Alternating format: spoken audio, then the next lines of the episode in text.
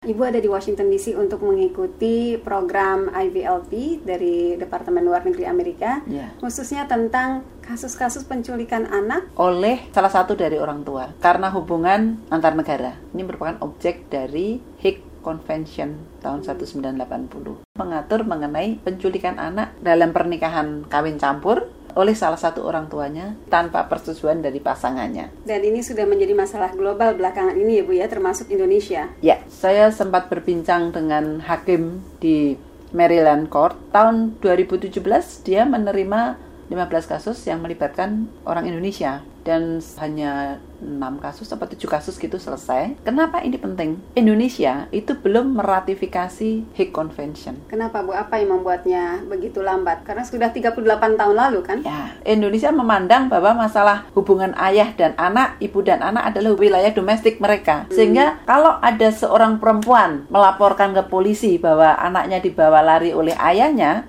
ketika mereka sudah bercerai, kebiasaan di masyarakat Indonesia mengatakan, loh itu kan ayahnya sendiri. Ayahnya sendiri. Jadi betul. dalam Hague Convention ini diatur sedang dalam proses sudah bercerai maupun masih dalam ikatan perkawinan tidak bisa sembarangan memisahkan anak dengan salah satu pasangannya tanpa izin dari pasangan lainnya. Ini agak sulit di Indonesia. Pertama Indonesia menganggap bahwa ini merupakan wilayah domestik. Kedua, Hague Convention ini mengatur sedikit berbeda, menekankan kepada apabila tidak ada izin dari salah satu pasangannya, anak harus dikembalikan pada habitual residence Ditentukan dari apa itu? ditentukan dari di mana anak itu sebelumnya berada, melakukan kegiatannya sehari-hari dan sebagainya. Sementara kita punya undang-undang kesejahteraan anak yang mengatakan bahwa semua harus diberikan untuk kepentingan si anak. Ketika ini benar-benar diterapkan di Indonesia mungkin akan ada satu pergesekan karena ini dengan undang-undang kesejahteraan anak.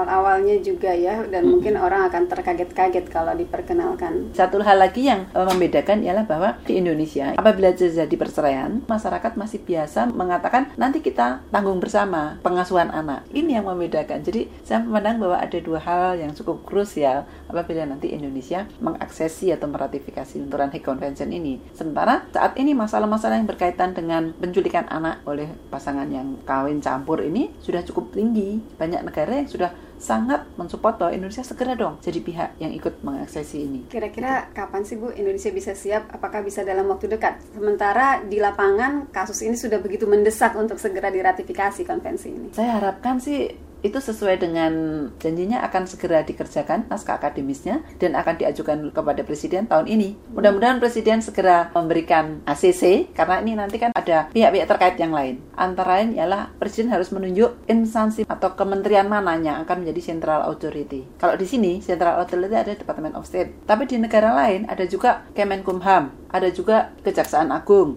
ada juga Depdagri, saat ini memang saya melihat dari beberapa aktivitas yang dilakukan, Kumham adalah departemen yang saat ini ya menurut pengamatan saya ya yang cukup siap dan mereka akan menggandeng KPAI. Di sini ada saling keterkaitan beberapa pihak dan interdep untuk bisa melaksanakan. Selama ini kasus-kasus itu menumpuk di Kementerian Luar Negeri. Sementara Kementerian Luar Negeri misalnya mau mengatakan, "Oh iya, sesuai putusan pengadilan ini yang berhak terhadap anak ini adalah ibunya." Tapi kan dia nggak berani menyerahkan karena dia bukan pihak yang punya otoritas untuk menyerahkan itu kan. Jadi mereka hanya bisa bisanya mediasi, mediasi, mediasi. Kalau mediasi gagal, sudah mereka nggak bisa apa-apa. Kalau pihak perempuan adalah orang Indonesia, umumnya yang saya perhatikan atau yang saya cermati selama ini adalah mereka dalam pihak yang kalah. Di Indonesia itu masih ada pandangan bahwa demi kepentingan si anak. Kalau ikut bapaknya lebih makmur, lebih bisa sekolah, lebih bisa karena bapaknya punya pekerjaan tetap. Tetapi dengan Hague Convention ini, hakim harus sedikit merubah pandangannya. Di mana habitual resident anak itu, kalau ternyata anak itu selama ini nyaman di bawah asuhan ibu di Indonesia, dengan Hague Convention ini, ibu bisa menuntut